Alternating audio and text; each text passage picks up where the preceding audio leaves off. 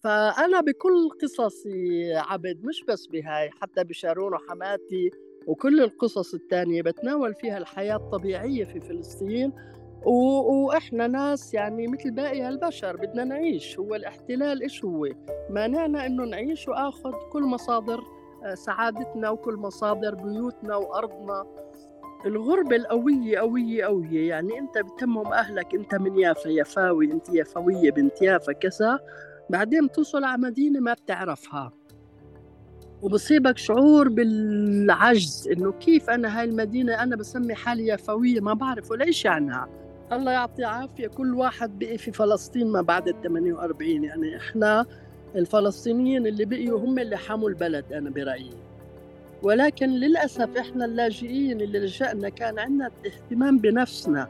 كتير. يعني تقريبا نسينا إنه في ناس بقي. كل الوقت بنحكي على الخسارة تبعنا على الخسارة تبعنا.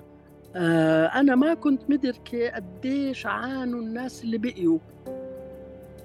تحياتي للجميع في كمان حلقة من بودكاست الميدان أنا عبد أبو شحادة عبر موقع عرب 48 بس زي دايما قبل ما نبلش ما تنسوش تتابعونا عبر جميع تطبيقات البودكاست. سبوتيفاي أبل جوجل أنغامي. أو ممكن تسمعونا عبر تطبيق موقع عرب 48 اليوم إحنا بنذكر 75 عام عن النكبة الفلسطينية. وكتير انكتب وكتير انحكى عن شو معنى النكبة وتأثيرها علينا. بس لهي الحلقة حبيت أشارككم مع بجزء من أحلى الروايات اللي بتقدر توصف لنا الحياة الاجتماعية والسياسية والاقتصادية بمدينة يافا بعام 1947 وبداية عام 1948 وإيش يافا بتمرن بالنكبة وبعد النكبة. فمعي بهذا التسجيل المهندس المعمارية والكاتبة بنت مدينة يافا. يعني أنا كثير مهم لي هأكد عن هذا الإشي. دكتور سعاد العامري شكرا على وقتك. ولو أهلا وسهلا. شكرا إنك بتعرفني بنت يافا. هذا أحلى آه، أحلى وصف ممكن الواحد يوصفه. وبعدين بدي أقول لك شغلة يا عبد. thanks لجمعية يافا. اللي كرمتني كبنت يافا قبل كذا سنة وكان سامي أبو شحادة وآخرين بالإحتفال وقتهم وعدتهم إنه أعمل إشي ليافا وما كنتش عارفة كنت بفكر بما إني مهندسة إنه نعمل مشروع ترميم ليافا واذ في يطلع كتاب عن يافا. طبعا بهاي الحلقة رح نركز على الرواية. بس مهم لي كمان أعرف شوي عن شغلك بالهندسة المعمارية. أنت اسستي جمعية رواق الهدف من وراها الحفاظ على الإرث الثقافي المعماري الفلسطيني اللي لا يقل أهمية. أنا على الصعيد الشخصي اللي خلاني أتأثر من الروايه وليش باعتقادي بهذا الكتاب يعني حب عن طريق هذا الكتاب حبيت إني نحيي ذكرى ال 75 عام عن النكبة الفلسطينية. هو إنه الكتاب مقسم لجزئين.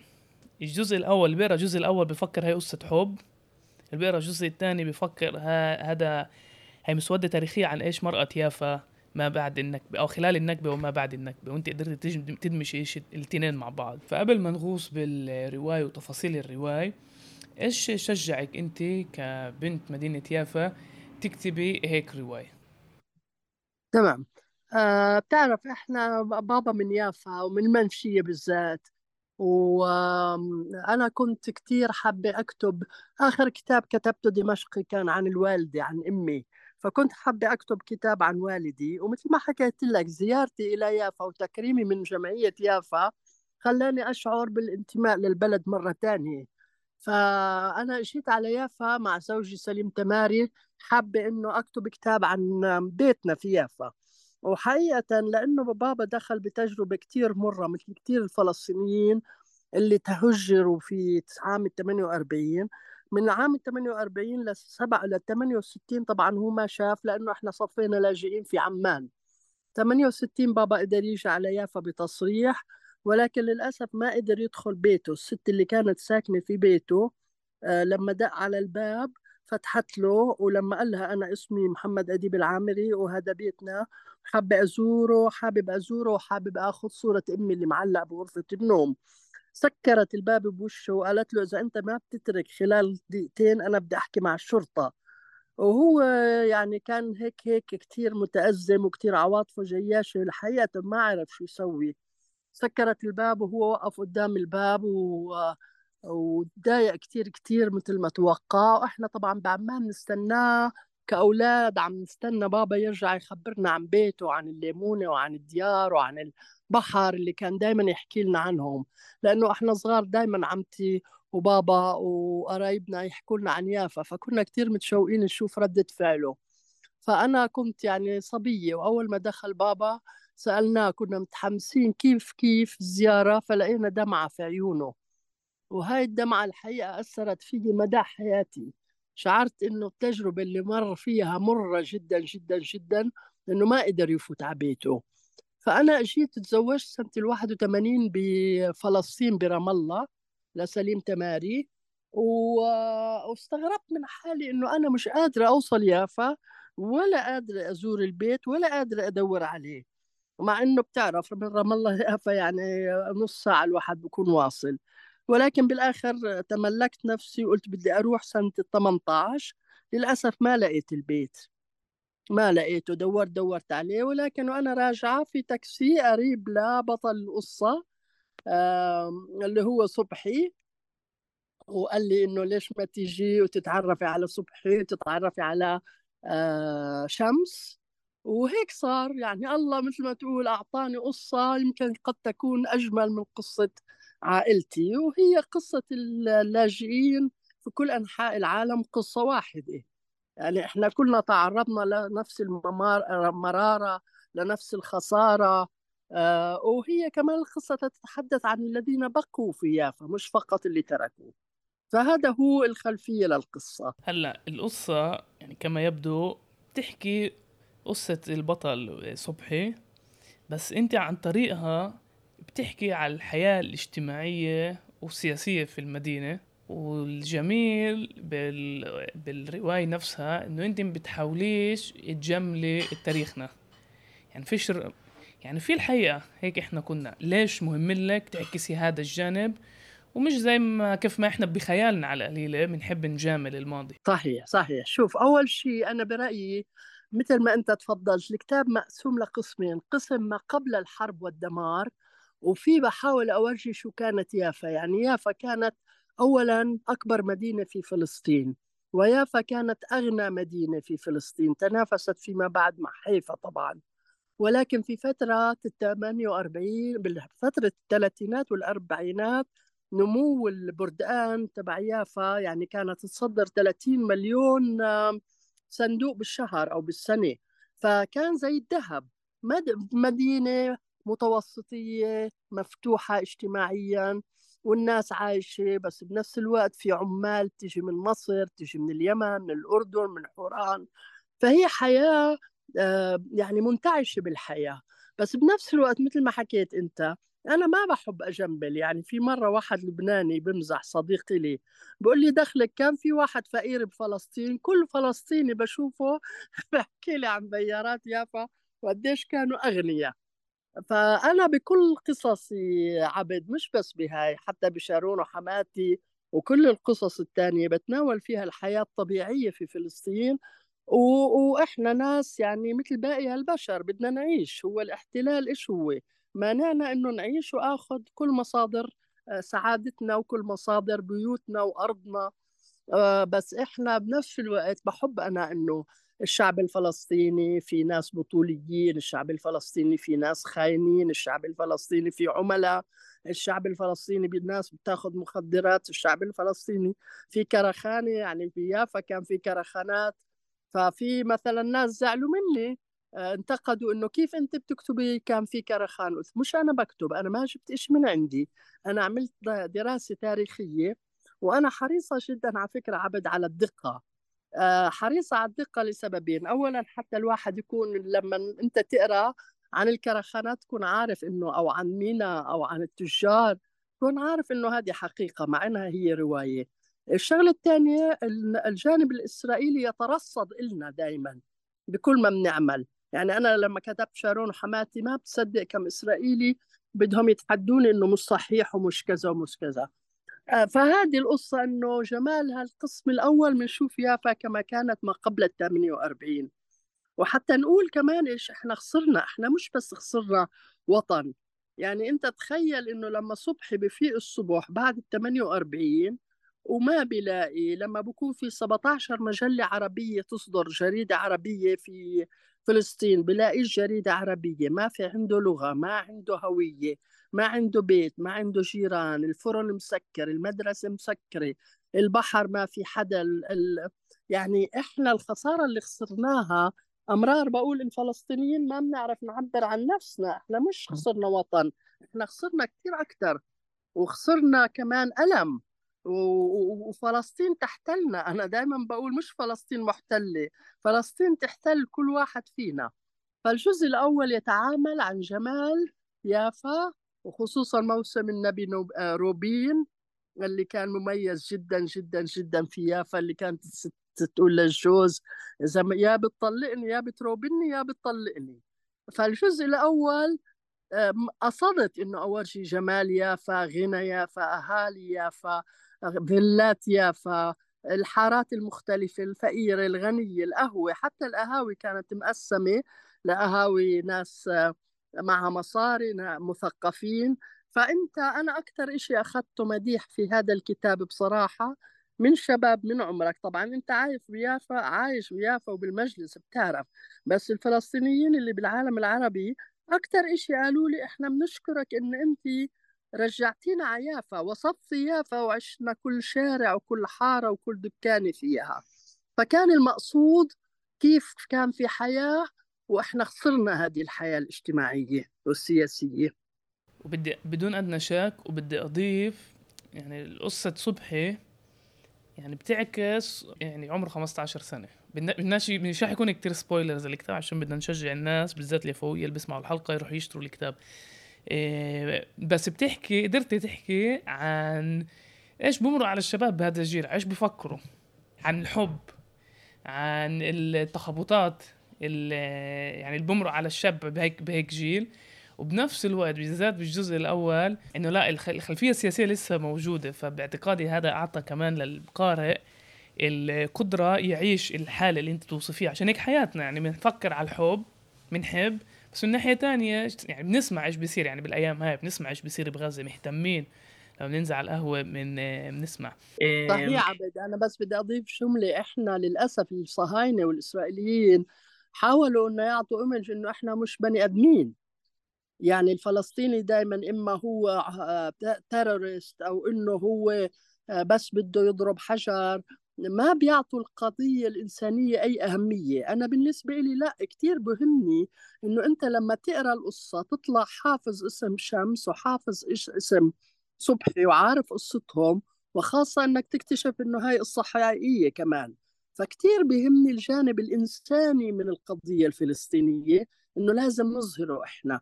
وإحنا لأسباب سياسية لمدة طويلة وأنا من جيل منظمه تحرير الفلسطينية اللي كنا نآمن بس إنه لازم نعمل سياسي وشعارات سياسية. أما الموسيقى والفن والكتابة والقراءة وكل هذا أنا برأيي ما أعطيناه أهمية. أما الجيل الحاضر بالعكس الجيلكم أنا برأيي إنه عم بخدم فلسطين بطريقة مختلفة وخلاقة أكثر عن طريق الثقافة اللي بتوصل لكل إنسان. كمان شغل على الصعيد الشخصي أنا كنت ميكانيكي لعين جيل 25 ولما قريت الرواية شفت حالي بصبحي. واسم أبوك صبحي كمان؟ واسم أبوي صبحي؟ وأنا كنت يعني أنا بتحدى كنت يعني لعين جيل 25 أشطر ميكانيكي بيافا. والله حلو. هذا إيه. بالدم. بس إنه قدرت ألاقي حالي إنه من ناحية واحدة كنت أشتغل بالجراج وكنت شاطر بس كمان كنت مهتم يعني كنت ناشط من جيل كتير بكير الشغلة الثانية اللي لفتت انتباهي دقة معرفتك بالتفاصيل الحياة قبل ال 48 وبعد ال 48 بدي تشاركيني من الرواية نفسها قديش آه، منها يعني كانت صارت بالفعل يعني من قصص اللي أنت سمعتيها من أهل يافا من قبل اللاجئين اللي طلعوا اللي هجروا قبل ال 48 واللي ضلوا بعد ال 48 تمام تمام تمام. شوف أحكي لك. أول شيء ما تنسى إنه القصة مبنية على شخصيتين حقيقيات. يعني أنا غيرت أساميهم حماية لهم ولا الخصوصية تبعهم. ولكن المعلومات الأساسية أنا أخذتها من لسان من ثم الأسد مثل ما بقولوا يعني هي قصة شخصين وكل واحد روى حياته. بالتفصيل. فأنا ما جبت من عندي ولا شيء حقيقة إلا بتعرف كل كاتب بملح وبفلفل شوية آه مشان يخلي القارئ يكون يعني متمتع. هلأ كل شيء أنا بتستغرب بدي أقول لك قديش التاريخ الشفوي مهم. إحنا بنستقل بالقصص. يعني لما سيدك بقعد يحكي لك أو بابا بقعد يحكي لي لازم ناخده بجدية لأنه بالفعل هو إشي كتير صحيح. يعني بتيجي الإسرائيليين قال بعد 75 سنة بيطلع لك إنه من الأرشيف إنه صارت آه، مذبحة عين حوض. نعم يعني هلأ عم تخبرونا ما إحنا بنعرف. بس طبعا لما الإسرائيلي بيحكيها بصير واقع لما إحنا بنحكيها بتكون كذبة. فإحنا عندنا تاريخنا وأنا برأيي التاريخ الشفوي كتير مهم وأنا آه، استفدت منه كتير. هلأ بعد ما كنت أعمل المقابلات اللي عملته إنه أنا مثلا يجي يقولوا لي موضوع الجيتو العربي. هلأ لما يجي صبحي يقول لي الجيتو العربي أنا بصراحة عبد عمري ما سمعت كلمة جيتو عربي. فبقول له أنت سميته هيك؟ بقول لي لا هو اسمه هيك. أنا وقتها بصير أروح على الكتب وأقرأ. بلاقي إنه مزبوط الجيتو العربي هيك. لما بقول لي ما كناش نقدر نطلع إلا بتصاريح أنا ما كنت أعرف. فكتير أشياء أنا ما كنت أعرفها.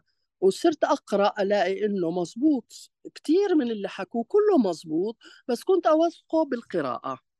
فأنا استعنت بالتاريخ الشفوي واستعنت بالتاريخ المكتوب وشكرا للبواب اللي هو عمل مجلدات كبيرة عن يافا. آه، سوري مش متذكرة اسمه الأول ولكن في مجلدين ثلاثة مع خرايط. فيافا والحمد لله موثقة. فأنا استعنت في في البحث وفي التاريخ الشفوي حتى أبني بدقة. وما تنسى إنه أنا مهندسة معمارية بالآخر. فالوصف المعماري والوصف المدني والأربن كتير موجود وعيني عين مهندس فكتير بلقط المكان بسرعة. وبحط أحط بقدر بسهولة أحط المكان مع الكلام مع الرواية يعني. هذا بيجيبني للسؤال الجاي يعني تجربتك الشخصية لما إيش حسيتي أول ما أول مرة بتيجي على يافا؟ وبدي أصيغ السؤال بطريقة يعني إنه أنت إنسان اللي ربي في بيت بتخيل؟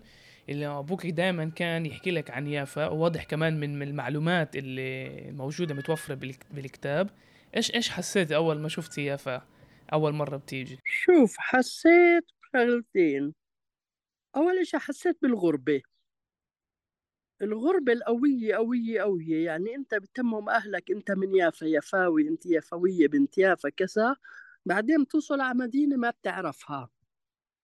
وبصيبك شعور بالعجز إنه كيف أنا هاي المدينة أنا بسمي حالي يافوية ما بعرف ولا شيء عنها.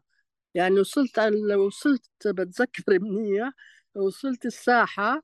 عندي الساعة الميد... ساحة البلد. وصرت أسأله مثلا من أي جهة المنشيه من أي شيء؟ وقفت يعني مطعم وصرت أسألهم أسئلة.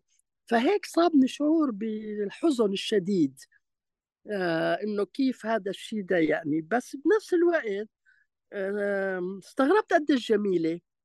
يعني حقيقة كانوا دائما يحكوا إنها جميلة خصوصا منطقة البلده القديمة وهيك. ففي كان حزن وفي جمال وفي غربة بنفس الوقت. وضياع ضياع الحقيقة ضياع يعني ما بتعرف شو تسوي إنه طيب هاي بلدي وبعدين آه طبعا صرت بالآخر الزيارات اللي بعدها وبعدها أحس قلب الغربة بس دائما في حرقة قلب بالموضوع. إيش حسيتي لما أهل يافا بلشوا يحكوا لك عن يافا اليوم والتحديات اللي اليافوية بمرقوها اليوم اللي منها كمان تحديات اللي عادة بنحكيش عليها زي العنف والجريمة والمخدرات. امم امم شوف أول شيء الله يعطي عافية كل واحد بقي في فلسطين ما بعد ال 48 يعني إحنا الفلسطينيين اللي بقيوا هم اللي حموا البلد أنا برأيي. ولكن للأسف إحنا اللاجئين اللي لجأنا كان عندنا اهتمام بنفسنا كتير. يعني تقريبا نسينا إنه في ناس بقي. كل الوقت بنحكي على الخسارة تبعنا على الخسارة تبعنا. آه أنا ما كنت مدركة قديش عانوا الناس اللي بقيوا كيف انحطوا تحت حكم عسكري كيف واحد فاق الصبح ما لقاش وظيفة كيف ما في شغل لإله كيف كان غني وصار فقير. يعني كلهم طبعا كانوا كانوا معهم وخسروا. ولكن اللي بقيوا قهرهم كان مضاعف. آه، بمعنى إنه مش بس أنت خسرت بلدك كمان فوقك حكومة عم بتقاهر فيك كل الوقت يعني استمرار للوضع آه، هذا الشيء أنا تعلمته في الزيارات طبعا محزن إن كمان تشوف وضع يافا المشاكل الإنسانية اللي فيها الفقر والمخدرات. وكيف كمان مقصود هذا من الاحتلال اللي بنشوفه صرنا كمان في في القدس وبرام الله ومناطق ثانية من الأراضي آه، المحتلة فبتحس إنه التحديات الاجتماعية كمان آه، كبيرة يمكن بكبر التحديات السياسية. أنا مجبور بس أسجل موقف من ويكيبيديا باللغة العربية اللي بذكروش الرواية بالتعريف بالبايو اللي إلك. أنا بقول لك بدي أقول لك شغلة يمكن تلاقيه تحت اسم تاني لأنه آه، لما آه، انتشر في أمريكا انتشر من راندوم هاوس اللي هي برأيي أهم ناشر في أمريكا كان الشرط الوحيد تبعهم إنه نغير العنوان. وصار اسمه Mother of Strangers أم الغريب. فيمكن مشان هيك ما بتلاقيه بهذا العنوان. هذا العنوان صدر في التلياني وبالعربي فقط. هذا هو العنوان الأساسي ولكن الأمريكان بسبب البقرة اليهودية خافوا بصراحة. امم هلا من يعني أنا ساكن ب يعني بشارع جمال باشا. يعني شمال جمال باشا ظهر عمارتنا حي إرشاد. ولما قريت الكتاب بسبب كنت أحكي لزوجتي إنه جمال الرواية عشانها بتعكس الحقيقة بتورجي كمان التركيبة الطبقية اللي كانت موجودة قبل ال 48 لما صرت أمشي بالمدينة صرت أتخيل إنه هنا الغنى يا ساك عاشوا هنا منطقة يعني أنت إذا ذكرتي مثلا أنا عايش مش بعيد عن مسرح نبيل اللي لسه موجود. ولا مرة خطر ببالي إنه مسرح نبيل هاي للطبقة يعني لل... لطبقة العمال وسينما الحمراء هاي للأغنياء. أغنياء اللي إجت عليها أم كلثوم. اللي لفت انتباهي التفاصيل ودقة التفاصيل بالرواية. من وين هي جاي برأيك؟ من التاريخ الشفوي الفلسطيني ولا من كتب اللي تعلق تقريها خلال السنين؟ من التاريخ الشفوي من أهل يافا لأنه كتير محوطة من ناس من يافا. ومن كتاب البواب. كتاب البواب يعني بحبك تطلع عليه وكل واحد ابن يافا يطلع عليه. بذكر لك كل القهاوي كل المطاحن أي شيء كل السينمايات وأمرار بقول لك يعني إنه هاي السينمايات كانوا يروحوا عليها. بس كمان أنا من لقاءاتي يعني أنا عملت المقابلات مزبوط مع صبحي ومع شمس ولكن عملت مقابلات مع ناس من يافا كمان بس حتى أعرف. وحتى لما عملنا الكتاب ترجمته هو كتبته أنا بالإنجليزي وبعدين ترجمته أنا وهلا شروف بالعربي حاولت أدخل اللهجة اليافوية لأنه أنا لهجتي فلسطينية عشامية فكنت خايفة إنه ما يزبط معنا هذا الموضوع. ف يعني في عدة مج... عدة شغلات اشتغلت عليها حتى أقدر أوصل لهذا الكتاب. بالبودكاست نفسه بسجل حلقات مع ناس من أهل يافا فجزء منهم ناس بروفيسورية وجزء منهم أكاديميين بس جزء منهم كمان إجوا من الجريمة أو كانوا يستعملوا مخدرات وبرأيي هاي الروايات مهمة. ففي شغلة عادت حالها ولا مرة خطرت ببالي لعند ما حدا من زملائي ذكر لي إياها وبينت بالكتاب. كل مرة أعمل مقابلة مع حدا اللي كان في عالم الجريمة يقول لي كيف كان يشتغل مرة بالجراج؟ وكيف هذا بيميز أهل يافا؟ عشان الفلسطينيين في الداخل من منطقة القرى أو الجليل اشتغلوا كتير بالعمار. يعني مش دارج عندهم الجراج دايما بحياتنا. فكلمة ميكانيكي نفسها مش كتير دارجة فأنا كتير حبيت إنه استعملتي هذا المصطلح يعني مصطلح يفاوي. آه آه, آه يفاوي. هو حقيقة الشخصية الرئيسية كتير كتير كتير مميزة يعني وبعدين عنده ذاكرة رهيبة. لحب رهيب ليافا فكمان هذا عكس نفسه. يعني أنت الشخصيات اللي أنا قابلتها آه يعني هي من سلمة.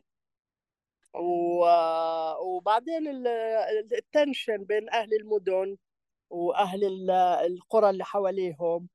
مثل ما قلت ما فيش كله بطولات. يعني هو كان أكل هم إذا أهله رح يرضوا إنه يجوزوه واحدة من من قرية ولا لا. دائما عندنا مدني وفلاح وارد هذا وموجود. بعدين في ناس مثلا زعلوا مني ليش حطيت شخصية مثلية في في الكتاب يعني في ناس بحبوا يهربوا من الواقع وأنا كثير أمرار لا بحب أتعامل مع الواقع حتى إحنا نتعامل مع عدة قضايا يعني وما نخبي راسنا إنه مجتمعنا ما في هيك وما في هيك وما في هيك. فهذا كثير أمرار أنتقد عليه بس بحب النقد فيه يعني لأنه هو هدفه إنه يصير حديث حول الطبقات آه، حول المساواة حول المدني الفلاح حول المثلية. حول الناس اللي بيخونوا وطنهم. آه، يعني مثلا بالقضية بصبحي الشخصية الرئيسية بتفاجأ إنه اللي عم بيحققوا معه عرب فلسطينيين هو كان يعرفهم. آه، فكل هاي القضايا أنا بدخلها لأنه هي. هي جزء من الواقع تبعنا. يعني شوفي بهذا الروح في شغلة أنا تعلمتها جديد من الكتاب. هذا تيزر أنت بدناش نحكي كل القصة للمستمعين عشان نشجعهم يشتروا الكتاب. إيه لما بصير في نقاش حتى لو بجملتين عن إنه كف اليفويه بدلة العروس كانت بيضة بس لقرية سلمة. توب مطرز مزبوط فهذا شغلة هي بخطرش بالبال إنه كان يعني مع إنه سلمة اللي بيعرفش 3 كيلومتر عن يافا يعني جدا قريبه فكيف هاي الأشياء الصغيره بتحكي قصة كبيرة عن العلاقة ما بين المدني والفلاح؟ طبعا اسأل إمك وستك بيحكوا لك.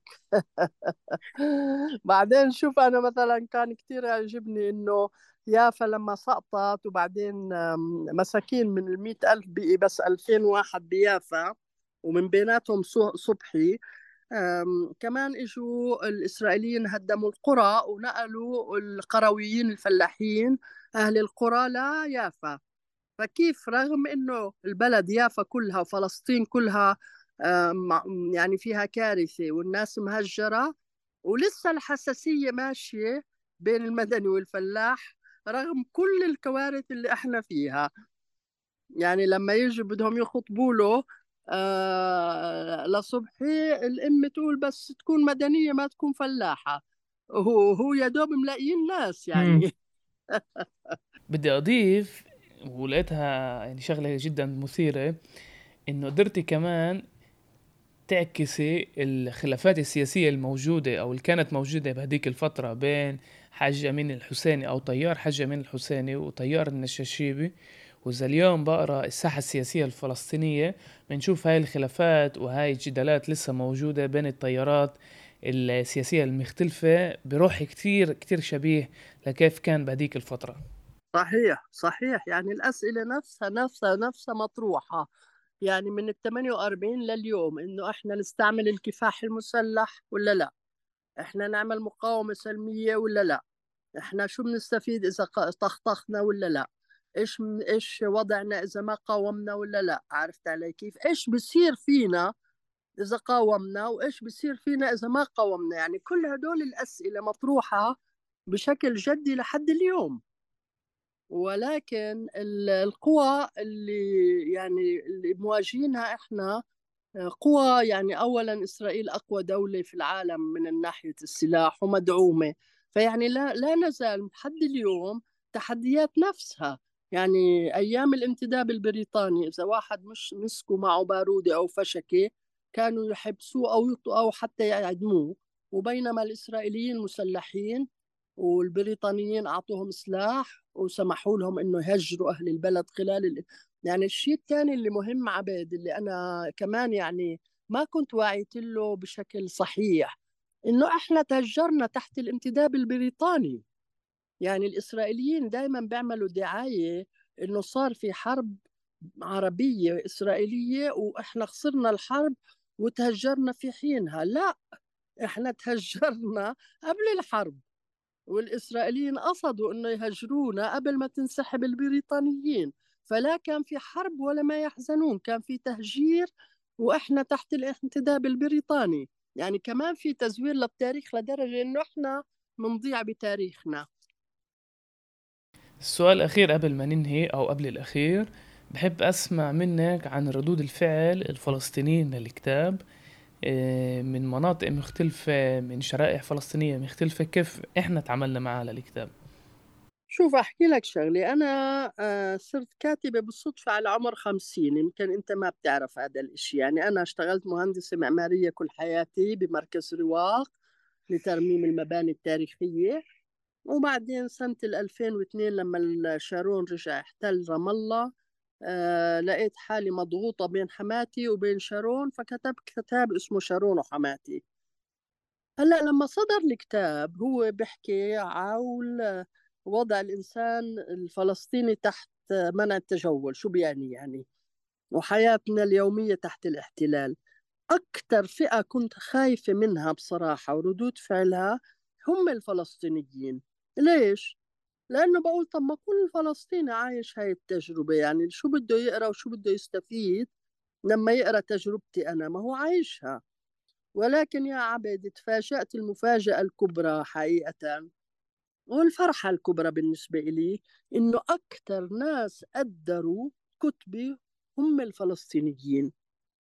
يعني سواء الفلسطينيين في الداخل أو الفلسطينيين الداخل بمعنى الضفة الغربية غزة و 48 أو الخارج بالنسبة للأردن والخليج خصوصا الجوالي الفلسطينية في الخليج في أمريكا. ما فيها ما فينا أقول لك بأستراليا يعني ما في جالية فلسطينية ما عجبتني حتى أعرض كتابة كتاباتي. فأنا متفاجئة. بعدين فهمت إنه أمرار الواحد بكون بيعاني كتير كتير كتير بس مش بالضرورة يقدر يصيغ هاي المعاناة ويشاركها. آه والشغلة الثانية مثل ما تفضلت أنت على فكرة عبد أسئلة أسئلتك كتير ذكية وكتير دقيقة. آه مثل ما فضلت إنه تفضلت إنه آه الحديث عن الحياة العادية. مش البطولات يعني أنا لا بكتب على أبو عمار ولا أبو مازن ولا إم مازن ولا بطيخ الشام أنا بكتب عن العمال بكتب عن الناس مثل صبحي الميكانيكي يعني أنا عندي كتاب اسمه مراد مراد اللي مشيت فيه مع العمال من من رام الله لبتح تكفى لما كانوا يمنعوهم. فأنا بهمني الحياة اليومية وأنا بعتقد إنه هاي الأشياء الناس بتقدرها وخاصة الشعب الفلسطيني يعني كأنه لقوا صوت لمن لا صوت لهم. جميل جدا وراح أنهي بسؤال شوي شخصي. زي ما ذكرنا مهندسة معمارية. إيش أحلى الهندسة المعمارية ولا الكتابة؟ شوف التنين حلوين حقيقة. التنين بنفدوا على بعض لمعلوماتك يعني أنا آه، شغلي بالعمارة ما فتحت مكتب هندسي مشان أبني مباني جديدة وأعمل مصاري وكل الأشياء الناس اللي بتمنوها. أنا بالنسبة إلي لما اشتغلت وما أسست مركز رواق للمعمار الشعبي في رام الله أو البيرة آه، كان هدفي إنه نحمي الموروث الثقافي الفلسطيني اللي هدمرته يعني أول إشي إسرائيل عملته لما تأسست إنه هدمت قرانا ومدننا آه، فبالنسبة لي الشغل المعماري هو الحفاظ على تراثنا وبالنسبة لي الكتابة هي أيضا الحفاظ على تراثنا بطريقة أو بأخرى أو تاريخنا أو روايتنا نرويها إحنا بلساننا. فالتنين فيهم متعة آه، جميلة. التنين بعملهم من قلبي هذا أهم شيء بالنسبة لي يعني أنا الكتابة عندي موهبة والأعماق مش موهبة قصدي يعني آه شو بسموها؟ يعني بحب أعملهم من قلبي مش إنه عندي وظيفة. آه ف ونفس الشيء الكتابة. هلأ إجوا بوقتهم. أقول لك بصراحة الهندسة متعبة. فيزيكلي متعبة. يعني بدك تطلع على سآلة وبدك تنزل وبدك تتغبر وبدك تسافر. وبهذا العمر لأ بفضل الكتابة بصراحة. يعني وأنا مزبوط شخص اجتماعي بس برضو أنا شخص بحب أكون مع نفسي وأكتب. فهلأ بهذا الوقت بقدر أقول لك إنه آه الكتابة بالنسبة إلي أنسب. بس مش معناته آه أحلى. آه كل شيء بوقته حلو مثل ما بقولوا بس التنين هم آه، حفاظ على ذاكرة فلسطين بالنسبة لي مهندسة المعمارية والكاتبة سعاد العامري. بدي أنهي بملاحظة على شغلك. تجربتي أو بقراءتي لتاريخنا بحس إنه إحنا كتير بنركز على إيش صار للقرى الفلسطينية في الثمانية وأربعين. ولكن بالرواية بت بتسلط الضوء إيش صار للمدينة. والمدينة الطبيعة فيها طبقية وفيها فجوات اجتماعية وفيها هيك حياة شوي أكتر يعني بالإنجليزي الرف هيك شوي أصعب. وبرأيي بتقدري بروايتك تعلمينا كتير على التجربة الاجتماعية في المدينة الفلسطينية قبل النكبة. وبجوز شغلك بكمل بعض من الهندسة المعمارية للحفاظ على المباني الفلسطينية لكتابة روايات اللي بتعكس الحياة الاجتماعية في المدن الفلسطينية. شكرا شكرا يا عبد. ممنونة أنا على المقابلة. وبعدين بدي أقول لك شغلة إنه برضه أهل يعني فلسطينية الداخل سواء من يافا أو من حيفا أو من ناصري ما قصروا. يعني دائما أنا بنعزم آه، عندكم لتقديم الكتب فكمان آه، بشكرك كثير على هذه المقابلة. شكرا لك عزيزتي وهي كانت كمان حلقة من بودكاست الميدان. وزي دايما إذا حابين تدعموا المشروع ما تنسوش تتابعونا عبر جميع تطبيقات البودكاست سبوتيفاي أبل جوجل أنغامي أو ممكن تسمعونا عبر تطبيق موقع عرب 48